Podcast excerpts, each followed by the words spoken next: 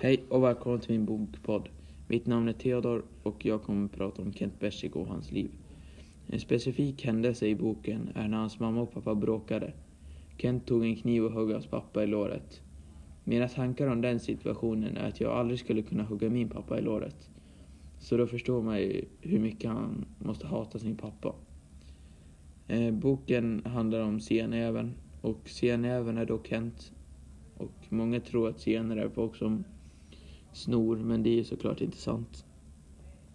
Eh, bokens genre är självbiografi och det handlar om Kents liv i när, ja, mellan 1965 och 1985 och det utspelar sig i Laxå och Mora i, och han flyttar till Mora när han är tio år.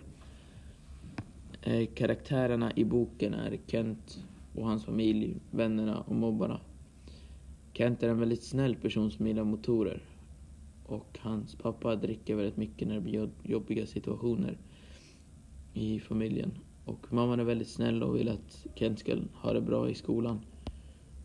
Och eh, jag förstår inte riktigt varför mobbarna ska hålla på och gå på Kent. För jag, alltså den uppfattningen jag har fått av Kent i boken är ju att han är väldigt snäll och så. Så att det är väldigt konstigt tycker jag. Men i alla fall, bu eh, budskapet i boken hörde jag var i en intervju i Malau. Efter tio så berättade han att han ville hjälpa ungdomar som hade det jobbigt och så.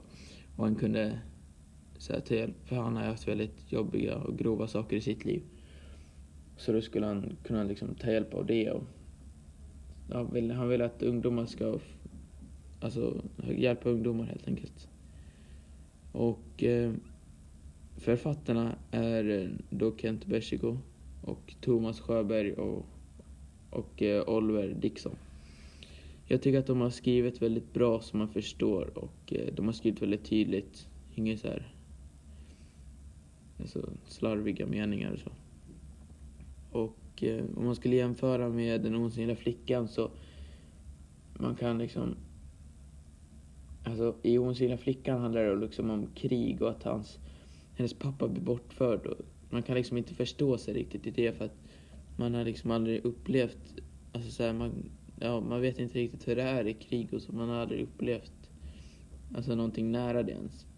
Så det blir väldigt svårt att fatta hur liksom grovt det är. Men man kan liksom förstå lite mer på även för att man kan ändå relatera till det lite bättre än vad man kan till Osynliga flickan. Så att om man jämför på det sättet så, så liksom tycker jag att Eh, Kent Bersikos liv är lite mer Alltså man, ja, det är lite mer grovt tycker jag i alla fall, enligt mig. Eh, men jag rekommenderar i alla fall boken för att den är bra och spännande och de har förklarat boken bra. Och eh, jag kan inte riktigt känna igen mig i boken eftersom jag inte har varit med om så grova saker då. Och eh, man har varit med om lite små saker och så, men det har ju rätt ut sig.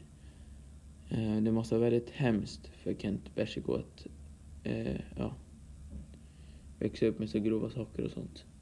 Det, skulle jag inte kunna. Liksom. Det hade varit väldigt jobbigt.